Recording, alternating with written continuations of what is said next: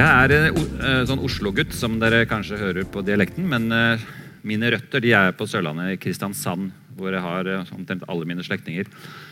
Fordi min far dro til Oslo for å studere, og så ble han værende der i 50 år og jobbet. Så der vokste jeg opp. Men nå bor jeg i Kristiansand og har gjort det snart i 20 år. Og jeg har vært ansatt i skolelaget i over 20 år til sammen, hvorav 10 år i Portugal, hvor kona og jeg jobbet i kristen studentarbeid i Portugal. Også her i Norge, og også 10-11 år i Åpne dører. Jeg er gift med Tone. Så vi har 40 års bryllupsdag i år, så det er stort. Og vi har to barn og fem barnebarn. Så det er litt sånn i kortversjon av hvem jeg er. Og når noen spør meg ja, hva er det du liksom vil rangere som dine viktigste både kanskje interesser og dine viktigste prioriteringer, og da sier jeg ofte det er Kristus, kona og kajakken. I den rekkefølgen. Så jeg er glad i friluftsliv, og ikke minst i kajakk. Eh, så Sørlandet er jo flott på det, med, til det, og det er jo dette området her også. Og ellers eh, så har jeg teologi som eh, fag. Jeg er egentlig ordinert prest, men eh, meldte meg ut av Norske kirke da i fjor. Da dette kirkemøtevedtaket kom om at eh, ekteskapet skal omdefineres til ikke lenger å være det Bibelen sier. Um, I dag så er det, som dere ser, tema som alle vel også har fått med seg. Det har vært litt sånn forvirring i, mitt hode på hva som egentlig var hovedtema, men jeg har satt opp begge de vi har snakket om. så kan eh, folk velge det de vil eh, se på som det viktigste her. Men i hvert fall så dreier det seg om noe som eh, jeg tror dere også opplever sterkere og sterkere. At det er en åndskamp. Det er en kulturkamp. Og det er en kjønnskamp i samfunnet vårt i dag. Og det har jo blitt stadig tydeligere at vi er gått inn i en ny tid Eh, når det gjelder alt som har med kjønn å gjøre, alt som har med ekteskap og barn, samliv, seksualitet. Det er ikke noe som er kommet plutselig. Eh, det har vokst på seg gradvis, men det har jo på en måte opplevd av mange jeg har snakket med, i hvert fall mange, og jeg merker selv også, en slags tsunami som eh, kommer over oss, og hvor mange kristne føler seg rådville og i stuss. Hva, hva er dette, og hva skal vi gjøre? Hvordan skal vi forholde oss? Det som vi i Mor, far, barn tenker på som det aller viktigste nå i de neste par-tre årene, det er å prøve å være med, at vi også er med på å utruste og skolere kristenfolket eh, til hva dette dreier seg om, og hvilke konsekvenser det har, hva dette egentlig har av konsekvenser på alle mulige plan. Ikke bare sånn i forhold til det som man veldig ofte snakker om homofilidebatten. Det er jo bare toppen av isfjellet. Det er så mye annet det dreier seg om. Og det skal vi se litt nærmere på i dag. Så jeg håper eh, dere alle sammen går litt visere og mer eh, informert ut her i kveld enn da dere kom. Og dere skal også få med dere litt eh, forskjellig stoff som jeg skal kommentere litt mer siden. I hvert fall de av dere som vil ha det, og det håper jeg alle. For er det noe både vi som enkeltmennesker og ikke minst også ledere og lederskap i forskjellige sammenhenger nå trenger, så er det kunnskap. For Hvis ikke så blir vi tause og vi tør ikke å si noe fordi vi er redd for å si noe galt eller bli satt, uh, satt på plass. Når uh, folk spør meg hva er det som motiverer deg, Øyvind? Eh, du har holdt på nå i over 15 år med denne tematikken. Og du virker fortsatt som du ikke har gitt opp. Og det har jeg ikke. absolutt, Jeg syns nesten bare blir viktigere og viktigere. og Mer og mer meningsfylt å holde på med denne tematikken, som altså dreier seg om menneskelivet. kort og godt. Det dreier seg ikke minst om skaperordningene som Gud har satt inn i verden. Og Da svarer jeg at det er ikke minst eh, seks ord på K som eh, er min motivasjon for å delta i denne kulturkampen og åndskampen. Og kanskje noen av dem kan eh, være til inspirasjon for dere også. Det første det er kjærligheten. Det er kjærligheten til Guds ord, til Jesus Kristus som min Herre og Frelser, som har sagt 'følg meg'. Det er eh, kjærlighet til barnet, til Guds skaperordninger, familien. Det er kjærlighet til mine, eh, ja, denne si, sannheten om at mor og far og barn er unik, og barn har rett på sin egen mor og far. Og det er også kjærlighet til mine meningsmotstandere. Det ønsker jeg inderlig. At jeg i personlige møter og i debatter og sånn også kan utstråle noe av Jesu kjærlighet, selv om vi kan være dypt uenige. Og også kjærlighet til alle de som kanskje står, står i eh, situasjoner hvor de føler dette på kroppen. Det er folk i familien eller andre som lever på tvers av det vi tror er sant og godt og rett. Men uh, i det hele tatt at kjærlighet og Jesu radikale kjærlighet skal prege oss. Og Jesus sa jo det selv, at dere skal elske deres fiender. Jeg håper ikke vi har noen fiender, men hvis det er noen som ser på oss som fiender Jeg vet at det er folk som ser på meg som fiende, så skal jeg likevel elske dem med Jesu kjærlighet. Og hvis det er noen eh, av dere kanskje som har barn, barnebarn, eh, bekjente som selv lever homofilt, bifilt, polyamorøst på andre måter, ok, så la oss elske henne bare enda høyere og vise at Jesus kom med nåde og sannhet. Han kom med sannhet, den skal vi absolutt holde fast på, men han kom også med masse nåde. Og Rekkefølgen er også litt viktig her. Det er nåde og sannhet i den rekkefølgen. Kallet er et annet ord som eh, inspirerer meg. Jesus har kalt oss til å følge ham, forsvare hans ord, hans sannheter, hans gode ordninger. Det er konsekvensene Eh, få mer innsyn i hva dette egentlig fører til. Hvor alvorlig det er for hele samfunnet. Og dette er jo ikke noe, noe i hvert fall jeg eh, gjør fordi jeg har noe imot noen andre eller fordi jeg vil hevde meg. Nei, det er fordi jeg tror disse konsekvensene er destruktive hvis vi forlater Guds skaperordning. Det er til barnets beste, til familiens beste, til samfunnets beste. At vi holder fast ved idealene. Og så er det unntak og folk som ikke lever sånn, men at vi nå skal liksom som det gjøres, si at ingenting er bedre enn noe annet. Alt er egentlig like bra. Det mener jeg, og det sier vel egentlig logikken. Det stemmer jo ikke. Det er ikke sant. Og så er det kunnskap utrolig viktig. fordi i et, et, så sensitivt tema som dette, så er vi nødt til å ha kunnskap for ikke å bli tause. Og Det er jo det som er den store faren nå i mange forsamlinger og menigheter rundt om i Norge. At det snakkes nesten ikke om dette fordi man er redd for å, at det skal bli splid, eller at noen skal forlate menigheten, eller man er redd for konflikter og sånn. Og så ser man ikke at den kommer jo uansett nå, hvis ikke vi snart tar tak i dette. Fordi eh, våre ungdommer, og mange av voksne også, blir jo nærmest hjernevasket i media, i skoleverket, i kulturen, ikke minst i ungdomskulturen. Og Hvis ikke vi forklarer hvorfor vi mener det vi gjør, hvis ikke vi forklarer og begrunner eh, vår tro på dette feltet, så, så, har vi tapt. kort og godt. I løpet av 10-15 år så tror jeg da veldig mye av Kristen-Norge vil være der den norske kirke er i dag. Hvis ikke vi hever røsten og underviser, skolerer oss selv og andre. Og så er det en kamp, kort og godt. Det er ikke til å komme fra at uh, dette er åndskamp, og da må vi bare ruste oss til at dette vil koste litt. Det vil koste både innsats fra vår side, og det vil koste også at vi vil møte motstand. Og da, som jeg pleier å si, ofte at eh, Jesus har kalt oss til å være ikke om bord på et cruiseskip hvor vi nærmest får liggesår av velvære og ved svømmebassenget og ved god mat og underholdning. Nei, vi er kalt til å være med på et krigsskip Eh, ikke at vi alltid er i trefninger og blir skadet hver dag, men at eh, vi faktisk er med på et sted hvor vi har godt fellesskap, det er mening, det er framdrift, det er masse flott som skjer, men det er også faktisk mulig å bli skadet. Og både åndelig og til og med fysisk. Og det vet jo våre forfulgte kristne brødre og søstre rundt om i verden, som virkelig betaler en høy pris, og den ultimate prisen, nemlig med døden, fordi de har valgt å følge Jesus.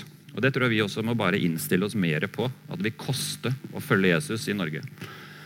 Og kraften er det siste, som jeg opplever veldig sterkt. Og jeg håper mange av dere det, i deres liv også opplever at vi får Guds kraft når vi går i tro. Når vi tar ham på ordet, når vi går ut av komfortsonen og virkelig ta på alvor det Jesus sier. Og hans kjærlighet, hans bud og hans ordninger. Så dette er i hvert fall seks ord som motiverer meg og hjelper meg i å stå fast og til å være med videre og kjempe for det jeg tror på. Og Det er ikke en angrepskamp, men det er en forsvarskamp. Hvor jeg i et demokratisk, pluralistisk samfunn har like mye rett som hvem som helst andre til å forsvare det jeg tror på. Og det har du også. Hvis du ser litt nå på spørsmålene, på debatten, på utviklingen de siste årene, så er det jo noen sånn åpningsspørsmål som eh, er ganske grunnleggende, og som veldig mange nå har fått helt andre svar på enn de hadde for noen år siden. Eller i hvert fall kulturen også har fått helt andre svar på. Det første det er jo er verden og mennesket skapt. Står vi ansvarlig overfor en skaper? Eller er vi et resultat av tilfeldigheter og blinde krefter? Er det først og fremst norsk lov som definerer rett og galt? Altså her er det jo veldig mange forskjellige typer svar på et sånt spørsmål, men for oss som kristne så er det jo grunnleggende hele tiden å huske på det at vi er faktisk en skapning. Vi er ikke noen sånn autonom, selvstendig individ som bare har blitt til av oss selv. Nei, der står en skaper bak, og vi er ansvarlige for ham. Og det må jo også kristen ungdom virkelig bli undervist skikkelig. At det å være skapt, det å ha en skaper som herre, det er noe som forplikter. Er ekteskapet Guds skaperordning for én mann og én kvinne? Eller er ekteskapet en menneskelig oppfinnelse som vi står fritt til å definere som vi vil? For eh, bare 20 år siden og all fremtid, eh, fortid før det, så var jo omtrent hele norske befolkning enige om at ekteskap er for én mann og én kvinne. Men det er jo på ingen måte selvsagt lenger. Har barn rett til å kjenne sin egen mor og far og deres slekt? Eller har biologiske foreldre og slektninger liten betydning? Er både mor og far viktige i et menneskes liv, eller er to mammaer eller to pappaer like greit? Eller tre mammaer og tre pappaer, for en saks skyld. Er far egentlig overflødig? Og Er samliv og ekteskap bare for to personer, eller er tre eller fire personer like bra? Hvorfor, hvorfor ikke? Dette er eh, noen av de spørsmålene som eh, ikke lenger har noen klare svar for svært mange, og hvor eh, vi er i utakt, veldig mange av oss. Og når jeg snakker vi, så regner med at de fleste her er, er enige med mitt budskap. Men hvis du ikke er det, så er det helt flott. Flott at du er kommet i kveld. Så det er ikke det at alle må være enig i alt jeg sier. Og hvis du er dypt uenig, så er det også fint. Da kanskje vi kan prate etterpå, eller du vil ta ordet mot slutten og stille noen spørsmål. Men i hvert fall disse spørsmålene som står på veggen her, de har jo ingen klare svar lenger i samfunnet og i kulturen vår. Eh, mens som kristne så mener jeg at der har vi faktisk veldig klare svar på alle de spørsmålene. Og det mener jo også det store flertallet, det overveldende flertallet av kristne i verden. Det er jo interessant at uh, i verdenssammenheng så er det bare 2-3% av alle verdens kristne som tilhører et kirkesamfunn som har omdefinert ekteskapet. 2-3 97 i fall, tilhører kirkesamfunn som holder fast på at ekteskapet er for mann og kvinne. Så Hvis vi føler oss etter hvert som liksom minoritet her i Norge, så kan vi vite det at i verdenssammenheng så står vi sammen med nærmere to milliarder kristne som mener det, og pluss masse andre religioner og kommunister overalt som mener at ekteskapet er for mann og kvinne. Noen viktige årstall i norsk lovgivning om samliv og ekteskap. Eh, her har jeg bare valgt ut fire av de årstallene som kunne være aktuelle. og Det er fire av de aller viktigste. Det første det er 1972, hvor det var to lovendringer som ble gjort i straffeloven. og De hadde vært sånne sovende paragrafer i mange år. i hvert fall i flere generasjoner. Og Det ene sa at det var ikke lov å være samboer i Norge. Du måtte være gift. Hvis du var mann og kvinne, så var det ikke lov å bo sammen uten at du var gift. Det var det jo mange som gjorde allikevel, men loven fortsatte faktisk helt fram til 1972. Og det samme gjorde en lov som sa at eh, seksuelle relasjoner mellom menn var forbudt. Der var det heller ikke noen som hadde blitt straffet, men alle visste at det var en del som gjorde det. Men loven var der likevel for å indikere hva samfunnet mente var det beste, nemlig ekteskap mellom mann og kvinne. Men den ble da fjernet i 1972. Forbudene mot samboerskap og mot homoseksuelle handlinger ble avskaffet.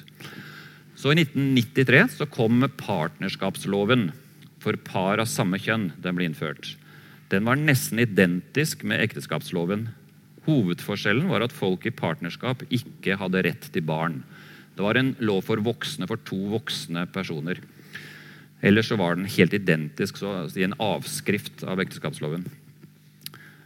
Og Så fikk vi da i 2008 den kjønnsnøytrale ekteskapsloven som ble vedtatt. To av samme kjønn kan gifte seg. Og Det ble da en eh, revolusjon på en måte, fordi da gikk man helt inn i det viktigste, den grunncellen i samfunnet, nemlig mor-far-barn-relasjonen. For nå fulgte det med i denne lovendringen at eh, to av samme kjønn også har rett til å få statens hjelp til å få barn. Og Da var det ikke lenger noe partnerskapslov, da var det blitt en ekteskapslov i anførselstegn, hvor altså to av samme kjønn har rett til barn. Foreløpig er det særlig for kvinner det gjelder. Men det er indirekte også vedtatt for menn. fordi om du drar til utlandet og får surrogati, hvis to menn drar til USA eller til Ukraina eller et annet land, så skjer det ingenting når de kommer hjem. De blir behandlet som om de hadde fått barn på egen hånd. Eh, så det var de tre. Og så var det et fjerde årstall, som altså var i fjor. Den norske kirke, statskirken, omdefinerte ekteskapet og innførte kirkelig bryllup for to av samme kjønn. Dette er eh, fire viktige årstall, og vi ser jo at uh, særlig fra 1993 så har det jo ikke gått veldig lang tid. Og fra 2008 så er det jo ti år siden uh, ekteskapsloven ble kjønnsnøytralisert. Det som er veldig tankevekkende og viktig å huske på, det er at alle unge mennesker som er under 20, kanskje under 25 år, de husker ikke at Norge hadde det sånn at ekteskapet var bare for mann og kvinne. De var jo bare 10 år, kanskje 12-13 år gamle da det skjedde. og De fleste av dem var ikke særlig opptatt og hørte kanskje aldri noe om at ekteskapet nå er endret. Så i hvert fall de under 20 kan vi vite at de, de syns det virker så selvsagt. og De har hørt det på skolen og gjennom hele barnehagen overalt, at uh, mamma, mamma, pappa, pappa det er akkurat det samme som mor og far. Og ekteskapet det er uh, for to personer uansett hvilket kjønn du har. Og Mange tror at det har vært sånn i mange mange tiår, kanskje fra forrige eller langt tilbake til 1800-tallet. Men det stemmer jo ikke i det hele tatt. Det var i 2008. Det som ble vedtatt eh, den dagen eh, i Stortinget, det var at fem lover som da var presentert som en pakke, sånn ekteskaps- og samlivspakke, den ble vedtatt ved at ekteskapsloven ble, fikk en kjønnsnøytral definisjon. Bioteknologiloven ble endret, sånn at to kvinner i parforhold får statens hjelp til å føde barn ved assistert befruktning med sæd fra en donor. Og staten betaler de mellom 50 000 100 000 kroner det kan koste. Og så ble barneloven endret ved at eit, det står nå, eit barn kan ikke ha både en far og ei medmor. Så ordet medmor ble introdusert. og det vil si at Et barn med medmor har ingen far- og farsslekt i statens øyne. De har jo det egentlig, men det er jo en setning som egentlig er løgn. At et barn ikke kan ha både en far og en medmor. Men det er altså juridisk. Men den medmoren hun overtar alle fars plikter og rettigheter for all framtid. Det barnet er livsarving til den kvinnen, selv om hun ikke har noe med det barnet å gjøre. men hun er også da samboer eller sånn gift med en annen kvinne. Og kan da skrive under på et papir som hun kan printe ut på internett og signere og si at 'jeg vil være medmor'. Og Da er hun bundet til det for resten av livet. Hun kan ikke si det fra seg. Som om hun hadde vært en far. Og så er det adopsjonsloven som ble endret samme dagen. To menn eller to kvinner kan adoptere utenlandske og norske barn på lik linje med mann og kvinne. Og Den femte loven som ble endret, det var altså partnerskapsloven som ble avskaffet. Sånn det finnes ikke lenger noe partnerskapslov i Norge. Det har vi ikke hatt nå på ti år. Så hvis eh, noen eh, to av samme kjønn ønsker å ha forpliktende rammer, så må de enten inngå sånn sivilrettslig avtale, som de jo kan, som også mange samboere gjør, eller de må da inngå et sånt et ekteskap eh, som er kjønnsnøytralt. Så De fem lovene de ble da stemt over i Stortinget, og de fikk stort flertall. Eh, hvor de fleste partier, eh, bortsett fra Fremskrittspartiet og KrF, stemte for. Også noen av de usannhetene som denne nye lovgivningen bygger på. Eh, det er premisser, forutsetninger her for den tankegangen som politikerne hadde og har. Og Det første det er jo at ekteskapet er ingen skaperordning eller fast definert institusjon med konkrete kjennetegn. Ekteskapet er en elastisk institusjon som man kan trekke og vri og vrenge på. En sosial konstruksjon som det rådende stortingsflertall har mandat til å definere og omdefinere som de måtte ønske. I Norge så er nå ekteskapet det som Stortinget til enhver tid definerer det som og vedtar at det er. Og Det er jo et spørsmål som jo kommer til overflaten nå stadig mer, fordi også Poli Norge er stiftet. Det er jo polyamorøse forhold. Polygami. Hvorfor skulle det være feil? Hvis to kvinner kan gifte seg, to menn kan gifte seg, hvorfor kan ikke tre menn gifte seg? Hva er problemet? Er deres kjærlighet mindre verd? Og det, Den debatten har vi jo allerede fått uh, litt av. og denne Foreningen FRI eh, jobber jo nå også aktivt eh, for å støtte den Poli Norge-organisasjonen som er startet. og De mener at det mangfoldet som, vi, som de snakker så varmt om, det innebærer og det inkluderer selvfølgelig også eh, flere flertallsekteskap. Og Det blir veldig interessant å se hvordan kristne vil stille seg til det. Liberale kristne som er veldig for ekteskap mellom to av samme kjønn, om de syns det er greit også med ekteskap med tre av samme kjønn. Eller uh, forskjellige kjønn. Den biologiske relasjonen mellom mor, far og barn er ikke unik. Den kan like godt erstattes av andre relasjoner. Mor-far-barn-relasjonen er bare én variant blant andre like naturlige og verdifulle normalvarianter. Det er jo også en tankegang og et premiss som ligger i hele den lovpakken i 2008. At mor-far-barn-relasjonen det er en variant, men det finnes andre like gode. Og det er på mange måter den mest radikale endringen i tankegangen og i lovverket i Norge på hele dette feltet. For når du først har oppløst betydningen av en mann og en kvinne som får felles barn, som jo er en unik relasjon Det finnes ingen andre relasjoner hvor barn blir til Eh, utenom mor og far, mann og kvinne. Og Når du sier at den ikke lenger er noe spesiell, da har du åpnet en demning. Da har du ikke mulighet egentlig for å stoppe, for da kan alle argumenter du bruker for å rettferdiggjøre det, det kan brukes på de neste skrittene og de neste tingene som kommer. Og Det tror jeg vi kommer til å se veldig tydelig nå i årene framover også. Og da har det ikke bare med at det er kjønn, men det er også med antall. Og det har med å ha barn rett til to foreldre. Eh, selv om det skulle være to av samme kjønn, eller er det bare én forelder som er nødvendig? Og det er jo tydelig at hele tenkningen omkring barn og barns rettigheter har lidd enorm skade ved den, disse nye lovene som kom i 2008. For nå kommer Stortinget etter all sannsynlighet i løpet av dette stortingsåret fram til sommeren å stemme og vedta at også single, enslige kvinner skal få statens hjelp til å få barn. Og Det har jo ingenting med homofili og kjønnsdebatt å gjøre. Det har bare med at barn trenger bare én forelder. Enda det står klart i FNs barnekonvensjon 38 ganger har jeg telt gjennom hele Barnekonvensjonen hvor det står 'foreldrene'. De to foreldrene. Foreldre i flertall. Ikke en eneste gang er det snakk om én forelder. Da er det bare snakk om krise, at da må staten tre inn hvis barna mister en forelder. Mens nå vil altså Stortinget planlagt vedta at eh, barn trenger bare én forelder. Far er helt overflødig. Så her er det hele synet på barns rettigheter og på barns oppvekst som eh, har fått en enorm endring blitt en revolusjon i tankegangen. Og Det samme gjelder jo også dette med blodsbånd, slekt, arv, gener og biologisk tilhørighet er uvesentlig i et menneskes liv, sier man nå. Sammenhengen mellom seksualitet og fruktbarhet, barn og foreldreskap og familie er egentlig uten betydning. Det er ikke noe sammenheng der. Det som er viktig for barn, er at de har gode omsorgspersoner. Det ordet omsorgsperson det er nesten det er blitt sånn synonym for foreldre. Barn trenger ikke foreldre. Bare de har en person som har gode omsorgsevner, så er det nok. Det er det flere og flere som tenker. Og jeg syns personlig at det er eh, nesten et under at eh, sånne programmer som Tore på sporet og det programmet også 'Hvem tror du at du er?' En sånn serie som gikk for noen år siden, som viser hvordan folk søker etter sine røtter. Hvor det er viktig med biologi, hvilken slekt de har, og hvilke, eh, hvem som er deres forfedre og formødre. At det, det, får lov å gå i en tid som jo mener at det er bare tull, egentlig. Det er interessant underholdning, men det har jo ingen betydning. Er det veldig mange i hvert fall av politikerne våre som mener. Jeg skal ta en liten uh, sånn uh, en liten parentes nå, som ikke går direkte på denne tematikken, men som har veldig stor relevans, og det er ordet toleranse.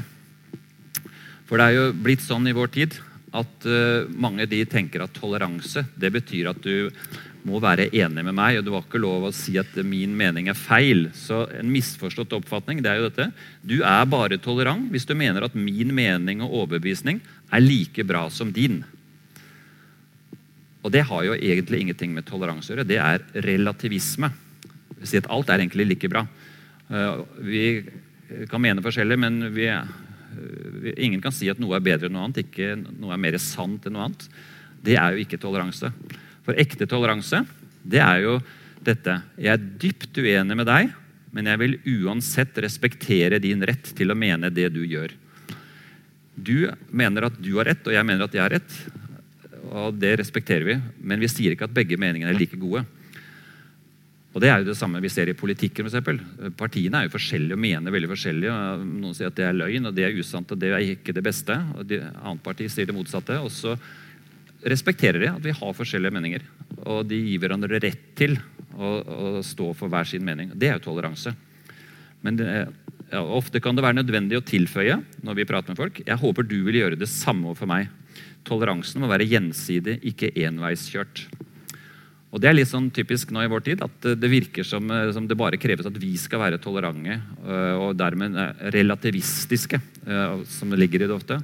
Mens det som går motsatt vei, det er at de skal ha lov til å fordømme og mene at vi er så intolerante og ukjærlige og fordømmende og så mørkemannspreget osv. osv.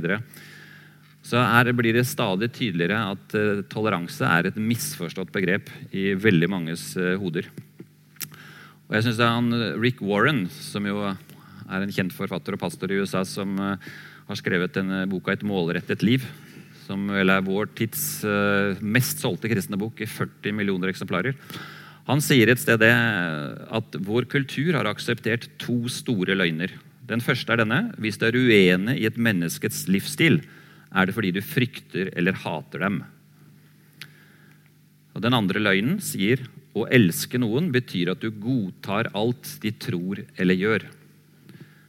Så sier Rick Warren begge løgnene er meningsløse.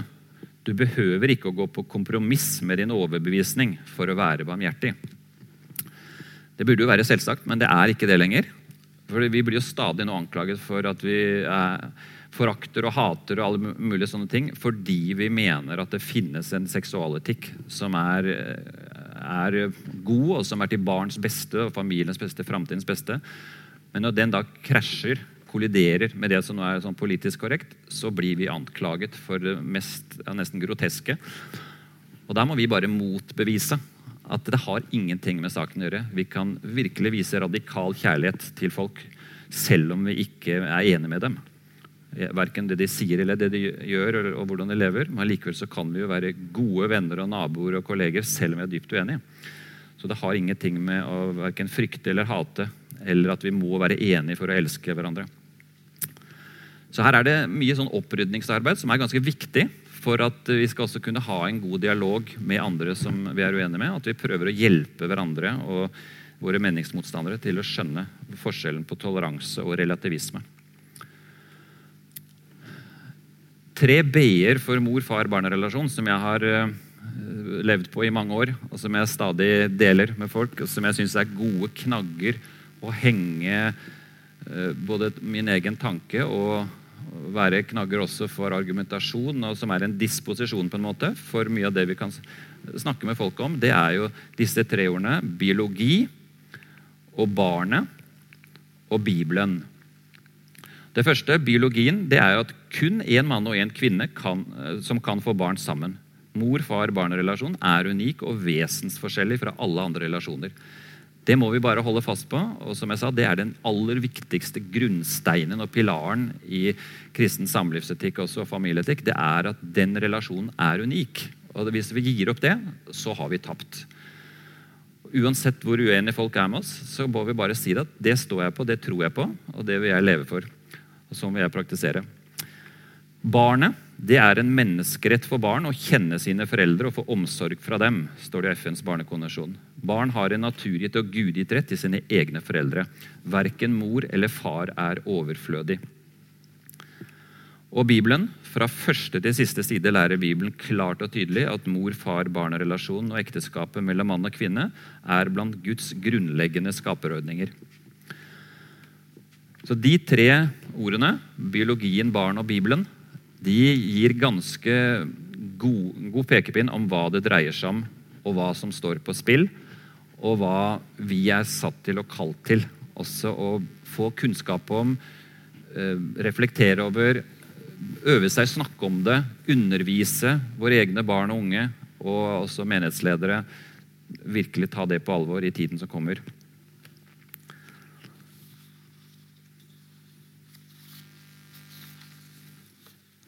Jeg har lyst til nå at vi skal få utdelt eh, en eh, brosjyre som jeg har bedt Lars med noen medhjelpere om å dele ut. Og Det er en brosjyre jeg håper noen dere har sett før. En del har sikkert ikke. Men det er altså ekteskapserklæring, heter det dokumentet. Og Det er et eh, ganske spesielt dokument fordi det er utgitt av 36 forskjellige kirkesamfunn og organisasjoner, som det, alle navnene står bak her på baksiden. Og det gjør at uh, det, en, det, gir en helt annen plattform og en helt annen uh, si, ryggdekning når vi snakker med folk, og når vi også forteller hva vi som kristne mener, så er det ikke bare jeg personlig som står for det. Nei, det er faktisk noe som store deler av Kristen-Norge står bak. Det er vel ingen andre dokumenter de siste 10-20 årene som har fått så mange kristne organisasjoner og sammenhenger til å stå sammen om. Og denne har vi Jeg har en god del med meg, så hvis dere vil ha noen flere eksemplarer, så er det bare nå i pausen å ta med dere noen flere. Dele med bibelgruppa, ta med til noen venner eller familie. Og den finnes også på nynorsk. Så ute på, eller bak der på det ressursbordet så ligger det samme brosjyre med grønn sånn, eh, ramme foran. Med, der hvor det står ekteskapserklæring. Her er den rød, men på den nynorske så er den grønn. Så bare ta med noen nynorske hvis du heller vil ha det. Og dette heftet og denne erklæringen som dere ser, har seks kapitler som jo går gjennom en del av det som jeg snakker om nå, og de har også noen andre ting som ikke jeg rekker å si, men som er veldig gjennomarbeidet og gjennomtenkt. Og jeg vil veldig sterkt oppfordre hver eneste en av dere til å studere dette. Ikke bare lese det sånn gjennom på senga en dag eller mens du ser på TV. Altså, ja, nå har jeg kikka på det, det var fint. Nei, bruk det strek under. Lær. Det er det du syns dette var viktig. Skriv det gjerne ned på et minneark eller sånn huskeark, de viktigste momentene. Eh, ta det opp med andre venner i bibelgruppa hvor som helst. Og vi må aktivere denne tematikken blant oss for at vi skal bli rustet til å kunne stå imot presset og til å snakke med folk som er opptatt av disse tingene. Og Da er dette et veldig godt utgangspunkt for det. Så Jeg skal ikke nå gå inn i detaljer i denne erklæringen, men jeg vil altså, som jeg har klart understreket, oppfordre om å ta det med og virkelig studere den. Det vi håper, det er jo at denne erklæringen skal bli mer aktivt brukt også av ledere rundt omkring i kristne sammenhenger og danne en basis for undervisning. Og nå holder vi på i stiftelsen Mor, far, barn å utarbeide en god del undervisningsmateriell med mange forskjellige sånne powerpoint-bilder som jeg nå viser her, en del av disse som, er, som, dere ser i dag, kommer til å bli del av en sånn pakke med masse forskjellige små moduler. Man kan sette sammen og velge ut hva man trenger på det og det møtet. Enten det er små møteinnslag, eller det er et temamøte eller flere temamøter. Og Da håper vi at eh, det sammen med andre ressurser kan virkelig gi frimodighet til både oss som enkeltkristne og til ledere. Så kanskje du kan ta det opp i din bibelgruppe. Presentere fem, seks, åtte lysbilder på Powerpoint, og så snakker dere om det i gruppa osv. Så, videre. så at vi får eh, lagt tingene til rette, og at folk ha, ikke har noen unnskyldning for å ta opp denne tematikken. fordi nå håper vi at det skal bli da materiell som virkelig folk føler at dette kan jeg bruke. Før vi etter hvert om 10-12 minutter tar noen pause, så har jeg lyst til å gå litt inn på den radikale kjønnsideologien som eh, vi møter på mange måter nå i de siste årene. Og ja, bare også de siste månedene. Eh, jeg tror flere og flere blir klar over at eh, det er faktisk et stort, stort, en stor stor utfordring som møter kristne. Ikke bare liksom på dette med om to av samme kjønn kan gifte seg, men som har med hele kjønnstematikken, med hele samlivsetikken og med seksualitet, hva det er for noe. Og da skal jeg bare hoppe over en her. Først så skal vi se på noe av det som er liksom skrekkeksempelet, syns jeg, på hvordan dette kan fungere. Og hvordan det faktisk nå fungerer i Norge. Det er et helt nytt syn på barn og foreldre. Det er bare å finne fram kredittkortet og bestille drømmebabyen. Det er sånn, eh, ingressen under her hvor det står altså kjøper seg drømmebarnet, så står det under her at ønsker du barn med en høy og kjekk kar, eller vil du heller ha mørkt hår, eller vil du ha en, en baby som har lyst hår?